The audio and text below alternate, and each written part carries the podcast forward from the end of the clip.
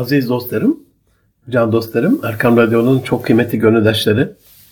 Hepinizi sevgiyle, saygıyla, duayla, muhabbetle, hürmetle selamlıyorum efendim. Hepinize hayırlı günler, hayırlı cumalar diliyorum. Aziz dostlarım, bendeniz Münir Arıkan, Erkam Radyo'da Alem Medeniyeti programında 2023'ün 22. programında inşallah Rabbim lütfederse bu hafta sizlere çocuklarımız ve gençlerimizin edep, adap, ahlak ve değerlerini ve bu değerlerin eğitimini inşallah konuşmak istiyorum. Aziz dostlarım, bize ulaşmak isterseniz et Münir Arıkan ya da et Arkam Radyo Twitter adreslerinden ya da aile medeniyeti et erkamradyo.com e-mail adresinden bize ulaşabilirsiniz. Her zaman geri bildirimlerinizi, önerilerinizi, eleştirilerinizi, programımıza olan katkılarınızı, desteklerinizi, muhabbet ve beğenilerinizi, dualarınızı önemsediğimizi biliyorsunuz. Can dostlarım, sesimizi, sözümüzü, bilgimizi önemseyen, bize vakit ayıran, bizi dinleyen aziz dostlarım, bir medeniyetin omurgası malumunuz olduğu üzere eğitimdir. Bir eğitim medeniyetin omurgasıdır. Eğitimin omurgası ise ailedir. Her iki omurgası da zedelenen, yara alan, tahrip olan bir millet, bir düşünün nasıl medeniyet kurabilir?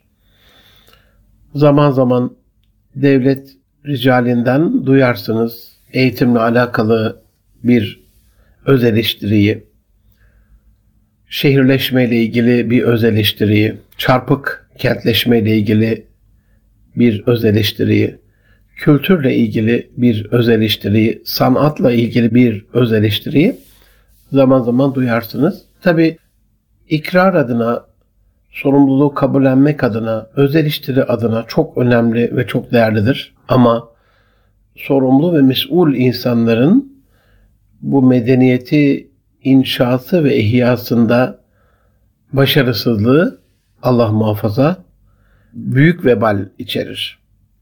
Bir sohbette bir birliktelikte bir yarenlik ederken bizler ağzımızı açsak Osmanlı'dan bahsederiz. Şanlı ecdadımız, köklü tarihimiz, şanlı tarihimiz, şanlı mazimiz.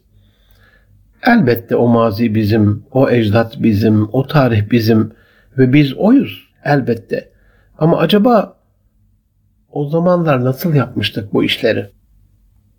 Osmanlı'nın sadece savaşları değildi. Onu başarılı kılan askeri teçhizatı değildi, donanması değildi, Yeniçeri değildi sadece Osmanlı'daki başarı. Nasıl kurulmuştu mesela Osmanlı? Osmanlı'nın kuruluş dinamikleri nelerdi? Her şeyden evvel Letuftihannel Konstantiniye müjdesine mahzar olmak isteyen Konstantinopol elbette fetholunacaktır. Onu fetheden kumandan ne güzel bir kumandan. Onun askerleri ne güzel asker müjdesine mazhar olmak için defaatle onlarca kuşatmadaki ana dinamik ve bu vaat edilen, bu müjdelenen, muştulanan topraklarda bir medeniyet inşasının ana dinamiği, motivasyonu İstanbul'un fethini gerçekleştirecek bir neslin inşasıydı elbette. Ve elbette bir müminin, muvahhidin, Müslümanın hayatının ana yaşam gayesi olan ilahi kelimetullah, din yeryüzünde sırf Allah'ın sadece Allah'a ait olana kadar bir cihat ruhuydu. Şimdi ben Birleşmiş Milletler'e bakıyorum. Zaman zaman Avrupa Birliği'nin yöneticilerinin beyanlarına bakıyorum. Zaman zaman sözüm ona çağdaş geçinen, modern geçinen, ilerici geçinen bilim insanlarına, ilim insanlarına, akademisyenlere, yazarlara, kanaat önderlerine bakıyorum. Yerden yere vuruyorlar. Mesela bir Müslümana eleştiri getirmek için, bir Müslümanı rencide etmek için kullanılan bir kavram cihadist. Halbuki cihatçı, cihadist dedikleri cihatçı, İslam'ın ana dinamiği. En Allah nezdinde kabul gören kişi şehit değil mi? Yani bu anlamda Müslüman yeter ki cihad etmesin. Ben bunu haşa haşa tıpkı şeye benzetiyorum. Yani gayrimeşru bütün ilişkilerin hatta zinanın serbest olması ama 18 yaşını doldurmadan bir gencin evliliğiyle alakalı bunun zinhar suç olması. Halbuki kanunlar her an değiştirilebilir. Medeniyet tarihine baktığımızda hani bunu böyle yanlı bakmayan, ön yargılı bakmayan ilim insanları da zaman zaman tespit ediyorlar. Yani gençlik diyoruz ya işte. Yani ergenlikte en güçlü hormonlar. O ergenlik deliliğine düşmeden, o çılgınlığa düşmeden, hormonlarıyla yönetilmeye başlamadan evvel bir söz kesme, bir nişan yapma ve kanunları bu çerçevede değerlendirme medeniyetin inşasında, neslin inşasında biyolojik olarak da çok tavsiye edilen bir şey. Ama tabi Müslümanlar uzun bir dönem soykırıma maruz kaldılar. E, son 100 yılımıza, 200 yılımıza baktığımız zaman özellikle doğum kontrol yöntemleriyle Müslümanlar çoğalmasın, Müslümanlar artmasın, Müslüman nesli çoğalmasın diye bir soykırıma uğradılar bilinçli bir şekilde. Şimdi yeni yeni biraz böyle e, ilerlemek arzusuyla, cehdiyle, kastıyla evliliği teşvik ettiğimizde de aman işte bu devirde evlenilir mi, aman bu devirde çocuk yapılır mı diye farklı bir doğum kontrol yöntemiyle de çocuklarımızı, gençlerimizi fethetmenin, ele geçirmenin peşindeler. Can dostlarım bir başka dinamiğe baktığımız zaman Osmanlı'nın kuruluş dinamiğine helal kazançta mesela çok önemli bir dinamikti. Dürüst ticaretti. Kaliteli eğitimdi, kaliteli işti. Şu cennet vatanda çok değil 250-300 yıl önce dünyada yapılabilen her şeyin en kalitelisi yapılıyordu. Yani ahi evrenin acaba ruhu neydi? Bu topraklar dünyada ilk toplam kalite anlaşmalarının, ilk toplu iş sözleşmelerinin, ilk ahilik teşkilatıyla modern loncaların sanat ve iş dünyası kulüplerinin ilk kurulduğu topraklar.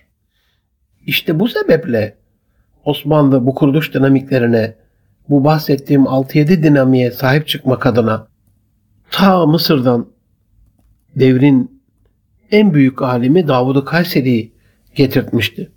Hem de Şehidebali başlarında olmasına rağmen onunla yetinmemiş. Osmanlı'nın ilk müderrisi olacak olan bir anlamda bugünün üniversitelerinin ilk kurucusu anlamında Davud Kayseri'yi haşa teşbihte hata olmaz beni affedin lütfen şampiyon olmak için ta Mısır'dan transfer etmiş. Şimdi dinamiklere baktığımızda toplumsal dinamiklere Küçücük bir Anadolu kasabasının, Anadolu ilçesinin, Anadolu ilinin bile ana dinamiği maalesef e, bizim dediğimiz camianın belediye başkanları, siyasileri, iş dünyasının saygın zenginleri dahil nasıl takımımızı şampiyon yaparız? İlimizin, ilçemizin, beldemizin futbol takımını nasıl şampiyon yaparız? 780 ilçede alın teri olan bir kardeşiniz olarak konuşuyorum aziz dostlarım. Yüreğim kan ağlıyor. Her ile ilçeye girerken bazı muhteşem binalar görüyorum. Bunun en yüreğimi acıtan, kanırtan, yaralayan binası stadyumlar oluyor. Hani bizi hep eleştirirler ya, arkadaş cumadan cumaya haftada bir kere dolduruyorsunuz. Onu da tam dolduramıyorsunuz. Niye bu kadar çok cami yapıyorsunuz falan statlar haftada bir kere bir maç için milyonlarca dolarlık o yatırımla o şehrin girişindeki en görkemli yapı oluyor. İhtişamlı, muhteşem. Ve maalesef tabii ki yapılsın, haşa aman yapılmasın kastıyla bir şey değil. Türkiye sağlıkta dünyanın göz bebeği. Ama sağlık durumumuzu, gençlerimizi, ailelerimizi, neslimizi korumak adına, muhafaza etmek adına bir krizden de bahsetmek isterim. Bir nasıl söyleyeyim hatadan da bahsetmek isterim, bir yanlıştan bahsetmek isterim. Yine şehirlerin, ilçelerin girişinde muazzam ağız ve diş bakım merkezleri, hastaneleri. Hocam olmasın mı? Tabii ki olsun. Hani bu olmasın adına değil ama ağız ve diş sağlığımıza dikkat edelim. Allah Resulü sallallahu aleyhi ve sellem Efendimizin kalktığında ilk yaptığı şeydir. misvaklamak dişini. Evine girdiğinde ilk yaptığı şeydir dişini misvaklamak. Diş sağlığı neslimizin korunması adına ileride gencimizin evliliğinde e, çocuk çocuklarının genetik kalitesini etkileyecek e, bir unsurdur. Kalp sağlığını, sindirim sistemini, kan dolaşımını, kandaki sağlığı, sıhhati, afiyeti en büyük organdır biliyorsunuz. Kan vücuttaki bütün şifacıdır, ana şifacıdır. Ve üçüncü gönlümü yaralayan bina bir ile bir ilçeye girerken diyaliz merkezleri olmasın mı? Elbette olsun ama 18 milyona aşkın yavrumuz, gencimiz okullarda e, bugün itibarıyla e, maalesef Türkiye'de okullarda çok az görüyorum. Görüyorum güzel okullar, iyi okul aile birlikleri, iyi okul yönetimleri var. Su sebillerinin sınıflara kadar geldiği, velilerin, okul aile birliklerinin, okul annelerinin, sınıf annelerinin çok duyarlı olduğu ve çocuklara o su içmeyi teşvik eden 2-2,5 litreye kadar suyu bilim insanları, öğrenciler için teşvik ediyorlar. Hani İsveç'te, Finlandiya'da, okullarda, sınıflarda süt otomatlarının bile var olduğunu, şerbet otomatlarının bile var olduğunu düşündüğümüzde dünyada Osmanlı şerbeti yani asitli içecekler neymiş, kola mola bilmem ne neymiş. Biz bunu ilk oluşturmuşuz en sağlıklı, en sıhhatli şekilde Osmanlı dediğimiz şey büyük bir uygarlık. Ve bu anlamda böbreğimize bakmadığımız için onu korumada en önemli unsurdur. Asitli, çok acı, çok şekerli, çok obez yapacak e, yüksek kiloyla bizi mahvedecek beslenme bozukluğuna uğramadan e, bol su içerek böbreği korumak. O korumadığı için de bazı yaygın bir şekilde bazı demeyeyim diyaliz merkezleri ve ağız ve diş sağlığı merkezleri görüyorum. Bu elbette olsun ama koruyalım ağzımızı, dişimizi ve böbreğimizi.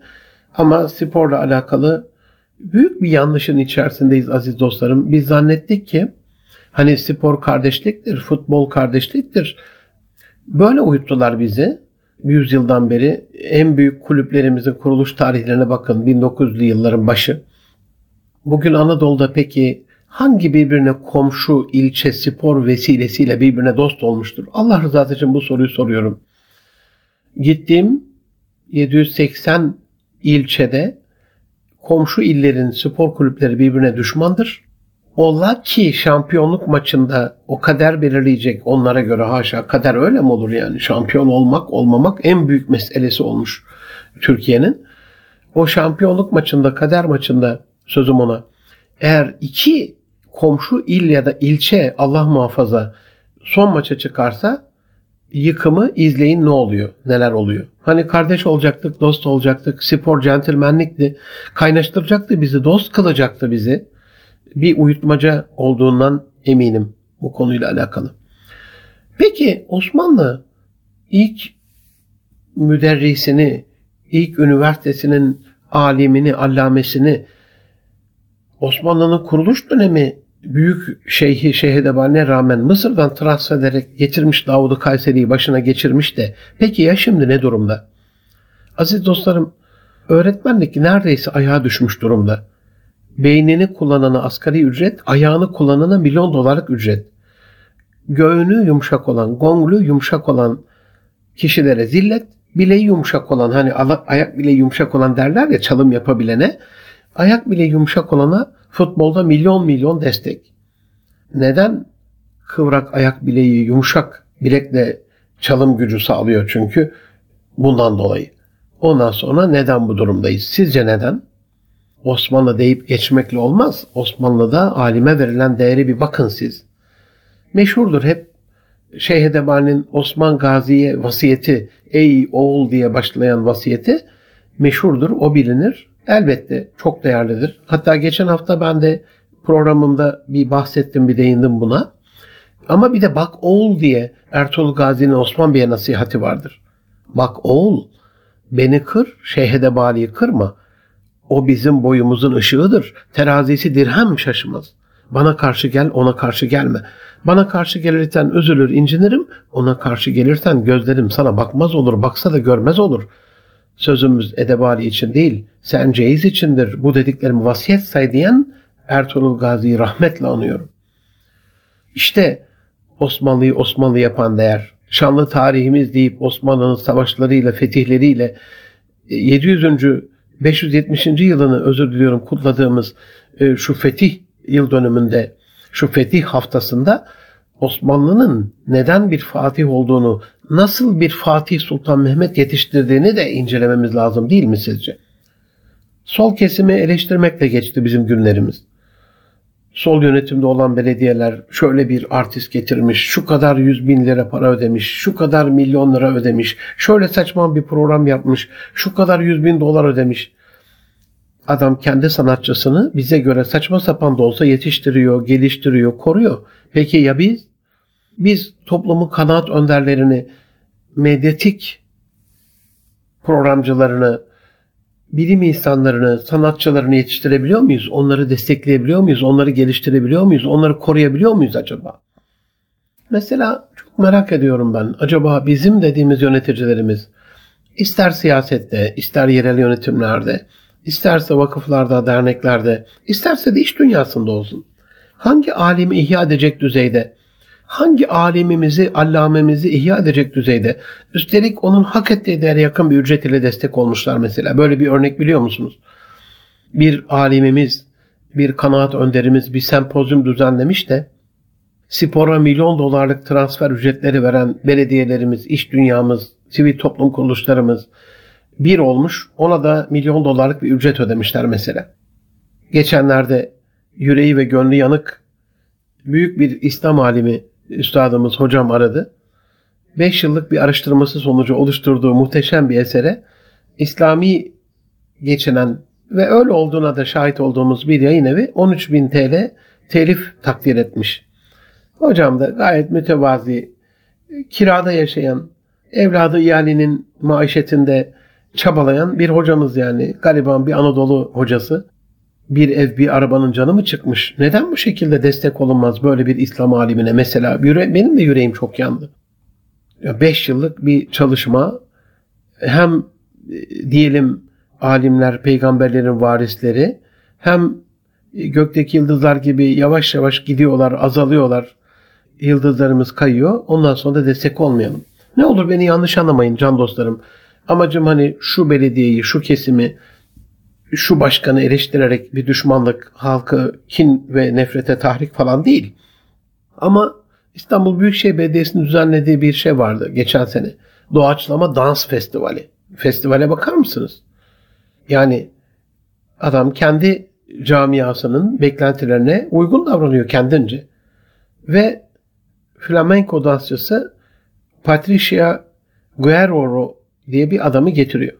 Hani bir dansçı vapurun döşemelerini kıran, saçma sapan hareketler yapan bir dansçı vardı ya hatırlarsanız. Kaç lira ödedi belediye o saçma sapan figürleri biliyor musunuz? Doğaçlama dans yapıyormuş adam. Doğaçlama dans festivalinde aman aman. Ne büyük irşad olduk yani. Tam 400 bin TL. 400 bin TL ödeme yaptı o saçma sapan hareketlere. İçinden geldiği gibi davranıp oraya buraya abuk subuk hareketler yapan o flamenko dansçısına Patricia'ya 400 bin TL ödedi. Bizim medeniyetimizi inşa eden kanaat önderlerine neden bu ecir layık görülmez? Hocalarımıza, ilim insanlarımıza, araştırma görevlilerimize, üniversitelerde gündüzünü gecesine, gecesini gündüzüne katan o bilim insanlarına. Şimdi diyebilirsiniz ki hocam bu iş parayla olmaz. Gönül işi, bu bir inanç işi. Peki uluslararası yayınlar ne işi? Uluslararası o çok yüksek meblalarla e, takip edilen yayınlar nasıl takip edilir? Mesela yurt dışı fuarlara nasıl gidilir? Bir kongreye, bir zirveye, bir konferansa nasıl katılınır? Züğürt bir insan yetiştirdiği talebelerine ne şekilde ihsanda bulunabilir ki?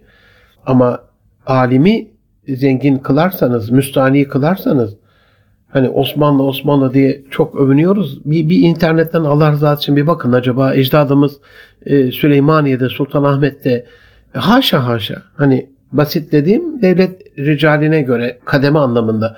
Ama tabii ki Allah'ın evinin bekçisi imamlar, imam, önder, rehber, baş tacı. Ama basit bir imama o görevi vermek için acaba nasıl bir seçim kriteri kıstası koymuş Osmanlı bir bakın. İnternetten hatırım için bir okuyun lütfen. Bir programda da inşallah ben de incelerim, beraber irdelerim. Bir arkadaşım aradım mesela bu 400 bin TL o saçma sapan figürlere ödeme sonrasında basına düştüğünde bu. Hocam dedi işte Sayıştay denetimi oluyor. Onların bu figürleri, cazları, işte orkestraları, yaptığı bütün faaliyetler bu denetimden üstelik bizim dönemimizde gül gibi geçiyor ama bize gelince nedense hani bir kişiye ödenebilecek ve bu e, mesela bir Müslüman alimse hele hele bir Müslüman bilim insanıysa bizim camiadansa hemen dedi işte meclise getiriliyor bu konu, gündeme getiriliyor. Niye böyle bir şey yapılıyor diye. Hoş orada da böyle astronomik ücretlerin falan ödendiği bir şey yok da adamlar niye böyle bir İslam alimine belediyede program yaptırıyorsun diyorlar. Ama onlara baktığınızda ne yaptı? Çatır çatır ilk göreve geldiğinde Büyükşehir Belediye Başkanı cinsiyet eşitliği ile alakalı, LGBT ile alakalı mecbur tutarak üstelik bütün çalışanları bir seminere değil mi davet etti. Davet etmedi. Katılımı mecbur kıldı. Hani cüretli olmak gerekiyor bence. Niye çağırmayayım ben bir İslam alimini programıma? Davud-u Kayseri'yi Mısır'dan getiren iradenin torunları şu anda neden bir İslam alimini üniversiteye çağıramasın aziz dostlarım? Hemen çünkü öbür tarafta tepkiler, öbür tarafta böyle protestolar. Biraz omurgalı durmak lazım. Böyle siniri alınmış diş gibi olmamak lazım böyle. Tepkisiz olmamak lazım. Tamam da mesela bir, bizde Sayıştay denetimi oluyor. Yok mecliste bir milletvekili bunu gündeme getiriyor. Yok belediye başkanı eleştiriliyor falan. Tamam da o belediyeler mesela gezi çapulcularıyla programlar yapan, Silivri mahkumlarını belediyede baş tacı yapan, gelip orada konuşturan, oraya davet eden, saçma sapan konuşmalara, danslara yüz binler harcayan belediyelere Sayıştay denetimi yok mu sizce? Üstelik bizim dönemimizde, bizim iktidarımızda nasıl sizce bu kadar denetimden geçebiliyorlar rahat rahat bir şekilde ve nasıl oluyor eleştirilmiyorlar bu konuyla alakalı. Konuşuluyor, geçiliyor ondan sonra. Bu gündemde tutulmuyor. Ama bizim bir İslam alimi maazallah İslam'a uyan bir fetva vermiş olsun. Gördünüz geçen sene Diyanet İşleri Başkanımız İslami anlamda Kur'an-ı Kerim'den verdiği bir örnekle alakalı Türk Tabipler Birliği tarafından mahkemeye verildi. Ve üstelik onunla alakalı Diyanet İşleri Başkanımızın şahsına yapılan hakaretler sonuçsuz kaldı. Beraat etti bütün şahıslar. Bilmiyorum biraz gönlüm yaralı bu konuda. Pop konseri olunca hop konseri, top konseri, pop konseri milyon TL mübah. İslami bir konferans olunca 100 bin fazla mı geliyor? 1 milyon fazla mı geliyor? Milyonlar fazla mı geliyor? Amacım olaya para akışlı bir bakış, çözüm ve çare sunmak değil ama bir öğretmeni, imamı, eğitimciyi, konuşmacıyı, alim ihya etmeden, iyi yaşam standartlarını kavuşturmadan gözünü sadece ve sadece ilme odaklamasını sağlamadan süründüre süründüre Sakarya nasıl ayağa kalkacak çok merak ediyorum aziz dostlarım. Onun için diyorum yani Süleymaniye'nin, Sultanahmet'in alacağı orada görev yapacak bir imamla alakalı ortaya konan kıstaslara bir bakın yani. Eşinin bile güzel olması önerilmiş ki gözü dışarıda olmasın yani. Onu hiç muhtaç kılmayacak bir maişet sağlanmış. İslam uygarlığına bakalım. Nerede bir medeniyet parlaması varsa alimlere teveccüh ve alimlerin en iyi şartlarda namerde muhtaç olmadan yaşatılması vardır. Alimlere saygı vardır. Alimlerin ve dolayısıyla ilmin ihyası vardır. Sultanın çevresinde toplaşmış bir akil heyet ve alimler meclisi vardır. Bir şura meclisi, bir istişare meclisi vardır. Yönetime söz geçiren bir adaletli kadı vardır. Ve o da o devrin en büyük alimidir. Sözü dinlenen ve en değerli önderi ve rehberi ve kılavuzudur yaşadığı dönemin ve sistemin ve yönetimin. Yönetimin alimlerin sözünü dinlemediği bir güruh diyeyim artık, topluluk diyeyim, bir devlet diyeyim nasıl medeniyet olabilir ki? Dolayısıyla yönetim alimlerin sözünü dinlemezse çocuklar şarkıcı, türkücü, sporcu, futbolcu fenomen sözü dinliyor maalesef. Özellikle anne babaların, çocukların edep, adab, ahlak ve değerler eğitimine etkisi ve tesiri olacak alimlerin desteğine ihtiyaç var. Peki toplum sizce şu anda kimin ya da kimlerin sözünü dinliyor can dostlarım?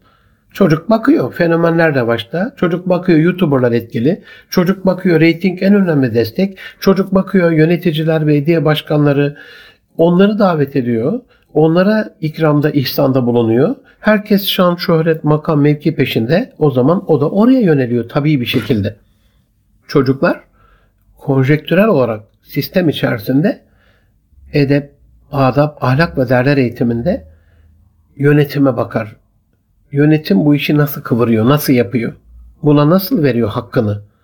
Sonra aileye bakar. İlk anne babaya bakar mesela. Oraya bakınca görüyor kim haklı, kim haksız kavgası var. Cinsiyet eşitliği safsatasıyla kadının baskısı var. Hatta zaman zaman şiddet bir şekilde zulme var. Babasını bastırması var. Öne çıkma kaygısı var. Allah muhafaza. Onu görüyor çocuk. Okula bakıyor. Kim müdür olacak? Kim idareci olacak? Kantini kim yönetecek? Okul aile birliği başkanı kim olacak kavgası var. Siyasete bakıyor. Kim aday olacak? Kim seçilecek? Kim yönetecek? Bu kavga var. Ticarete bakıyor. Kim büyüyecek? Pazara kim hakim olacak? Bu kavgayı görüyor. Helal kazanç değil ama hepsi benim olsun hırsıyla gözünü kar bürümüş kişiler çevresinde. Ondan sonra bu çocuğa bir öğretmen gelip de İsar makamını sevdiklerinden vermeyi, Hazreti Ebubekir'in malının hepsini vermesini, Hazreti Ömer'in devlet meselesi ile şahsi meselesini ayırmak adına iki ayrı mumunun olduğunu ve kendi arkadaşı gelince hemen devlet mumunu söndürüp şahsi mumunu yaktığını söyleyince çocuğun devreleri yanıyor kısa devre yapıp. Önce ahlak ve ahlakın yeniden başa dönersem ilk omurgası eğitim aziz dostlarım. Bu eğitim ahlaklı anneler yetiştirecek, ahlaklı babalar yetiştirecek. Bu ahlaklı gençler evlenip ahlaklı bir ailede ahlaklı bir aile kuracaklar. Bu ahlaklı ailelerde ahlaklı bir nesil yetişecek. Zincir böyle, halka böyle.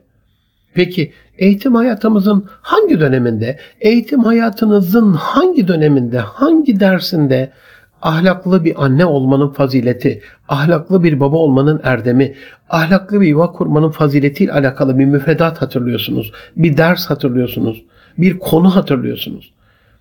Eğitim dünyasının hem müfredatı hem de öğretmenleri aile kavramının o kadar çok uzak ki aile dostu müfredat o kadar yok ki 4 artı 4 artı 4 artı üniversite tedrisatı ile sözüm onu 16 yıl eğittiğimiz gencimiz bu devirde evlenilmez diye aile kavramına düşman olarak mezun oluyor.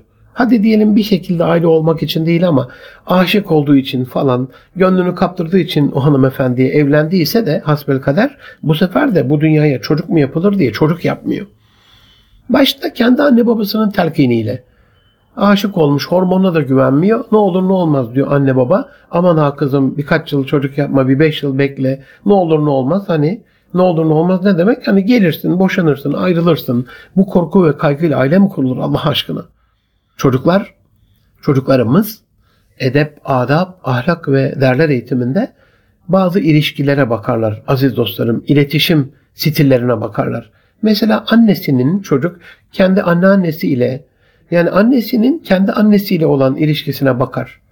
Babasının dedesiyle yani babasının kendi babasıyla olan ilişkisine bakar. Anne babasının kendi arasındaki ilişkisine bakar. Anne babasının komşuları ile ilişkisine, iletişimine bakar. Anne babasının topluma olan sosyal sorumluluğuna bakar, bağına bakar, gönül bağına bakar. Yani tutunacak bir dal arar, bir şey arar çocuk. Anne babası kendi ahlak sistemlerini nasıl oluşturmuş ona bakar. Anne babası kendi öğretmenine saygılı ise mezun olmasına rağmen annesinin öğretmeninin annesinin hayatında bir yeri, önemi ve değeri varsa çocuk bunu modeller. Ve bu ilişki, bu iletişim koca bir ansiklopedinin yapmayacağı kadar büyük bir etki yapar çocuğun o ruhunda, fıtratında, yetişmesinde, gelişmesinde. Yani çocuk edep, adab, ahlak ve değerler eğitiminde söz ve yazıdan ziyade davranış ve örneklik arar. Yaşayış arar. Müfredat elbette önemli. Ders kitapları elbette önemli. Ama yazılı bir kaynağa dayanmayan ve bizim Anadolu irfanı diye tanımladığımız yaşayan ahlakı nereye koyacağız? Hep söyleriz yine Anadolu irfanı galip geldi diye. Bunu sadece seçimden seçime mi hatırlayalım? Anadolu irfanı sadece seçimlerde siyasi tercihi doğru yapabilmek mi? Siyaset eğitim mi almış? Köylü halkımız, vatandaşımız, Anadolu'nun garip guraba, müntesipleri, can dostlarımız, ülküdaşlarımız, ülkedaşlarımız, ama onun o tercihine güveniriz. Kritik vakitlerdeki kararlarına güveniriz. Bir dedenin torunuyla kurduğu bağa güveniriz. Bir anneannenin, babaannenin, halanın, teyzenin, amcanın, dayının küçücük yavrularla kurduğu iletişime güveniriz. Anadolu irfanı deriz ona. İlla profesör olmasına gerek yok. Kaldı ki çok anlaşanlı profesörlerimiz de mesela New York'ta Selçuk Şirin diye bir davranış bilimcimiz var. Yazmış işte Yetişin Çocuklar diye kıymetli bir eseri var. Şuna dikkat edin, buna dikkat edin, modern psikolojide buna bakın, modern pedagojide buna dikkat edin. En sonunda diyor ki ama diyor bir aile ortamında, geniş aile ortamında benim Kars'ta yetiştiğim gibi büyük bir sülalede yetiştiyseniz anneanneyle, babaanneyle, dedelerle, amcalarla, halalarla, dayılarla, kuzenlerle iç içe yetiştiyseniz bunlara dikkat etmenize de çok gerek yok. Zaten diyor bunlar size o geniş ailenin içerisinde kendi sülaleniz, kendi kökünüz içerisinde verilmiştir. İşte sistem böyledir. Sonuç itibariyle ahlaklı ilim başımızın tacıdır. Bilgi değil bilgelik başımızın tacıdır. Ve bu ahlaklı ilim insanları yaşarsa, yaşayarak rol modeli olursa, örnek olursa, kanaat önderi olursa o rol modellerini yöneticiler, akidaneleri yapar, danışmanları yapar, kanaat önderleri ve rehberleri yaparsa o rehberler gençlesi yetiştirir. Kadim medeniyetimizin kadim geleneği ve şanlı sistemi budur aziz dostlarım. Böyle bir silsile vardır yani. Onun için sadece müfredatla olmaz. Mesela bir düşünün, lütfen düşünün. Allah rızası için düşünün. Mesela inkılap tarihi ile alakalı hangi kitabı hatırlıyorsunuz? Yani okudum ve hayatım değişti dediğiniz. Ama ben İmam mezunu bir kardeşinizim ODTÜ kamu yönetiminden evvel 83-84 döneminde Osmanlı İmam Hatip Sesi mezunuyum. Mesela her bir de 28 Şubat döneminin şeyini düşünün. Daha sonra 90'lı yıllar, 2000'li yılların başı Türk Silahlı Kuvvetleri'nden bir o inkılap tarihini bütün ruhuyla yaşayan bir asker gelirdi ve öyle bir anlatırdı ki, öyle bir yaşayarak anlatırdı ki yani en etkili hatırladığınız derslerden biri haline gelirdi. Ama sadece o müfredatla değil, o kitapla değil, anaokulundan itibaren o tahammüllerle, geleneklerle, ritüellerle, toplumsal yaşayışla, yaşantıyla, kabullerle, medyanın buna verdiği destekle, sistemin bunu e, şekillendirmesiyle yani sadece bir müfredatla olacak bir şey değil. Yaşayan insanlarla olur. Yoksa yaşatamazsınız. Bir şeyi yoksa yaşatamazsınız. Mümkün değil. Bu sebeple helal kazancın değil kazancın, adaletin değil kendince hakkın elde etmenin, bir şekilde onu ele geçirmenin, İsar makamına kardeşini değil kendini e, önceleyen, o makama değil kendi bencilliğinin peşinde olan egoist, bencil, bireysel düşünen kişilerin medeniyet inşası imkansızdır aziz dostlarım. Olmaz yani. İstanbul'un fethi Davud-ı Kayseri'nin ilim meclisinde Şeyh Edebani'nin kılavuzluğunda ama her şeyden önce onları yetiştirdiği güvenilir ve helal kazanç peşindeki esnafla Edirne'nin çarşılarında başlamıştır. İlk önce İstanbul'da değil. Kendini değil komşusunu düşünen esnafın gönlünde yeşermiştir fetih. Ulubatlı Hasan'a surların üstünde şehadet azmi ve cesareti veren o o surların üstünde onlarca okla şehadet şerbetini içtiren ruh o çarşıda kazanılan helal kazancın bir şehit bedenine gen ve hücre haline gelmiş halinden başka bir şey değildir. Tebdili kıyafet Fatih Sultan Mehmet'in fetihten evvel gidip Edirne çarşılarında sabahleyin işte bir okka pirinç verdiği isteyip bir okkada bulgur verdiğince, buğday verdiğince beyim ben yaptım siftahımı bak kardeşim yan komşum yapmadı onu da ondan al.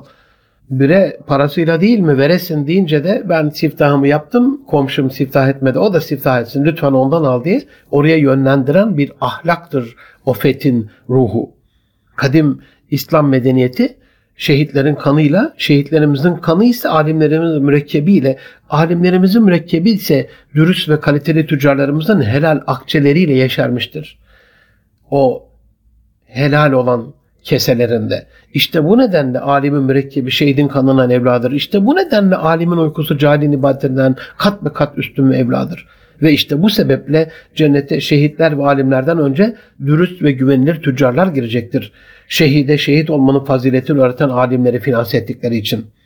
Can dostlarım, aziz dostlarım, Erkam Radyo'nun çok kıymetli gönüldaşları, inşallah alimlerimize verdiğimiz maddi ve manevi değerleri zirveye çıkarttığımız ve o zirvedeki rehberlerimizin de çocuklarımızı ve gençlerimizi zirve şahsiyet haline çıkarttığı bir yüzyılı hep birlikte inşa ederiz.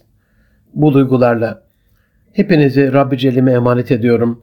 İnşallah İslam'ı yaşamanın elde korateş tutmaktan daha zor haline geleceği, daha zor olacağı günler gelmeden bu verilen fırsatların, bu güzel günlerin kıymetini bilerek ilahi kelimatullah adına ahlaklı, erdemli, bilgili ve bilge bir şahsiyet haline gelerek önce örnek olarak çevremize güvenilir bir kişi, dürüst ve ahlaklı bir kişi haline gelip bu mayayı diğer gönüllere çalmanın, göle maya çalmanın peşinde olalım inşallah. Gelecek program görüşmek üzere. Hoşçakalın. Allah'a emanet olun can dostlarım.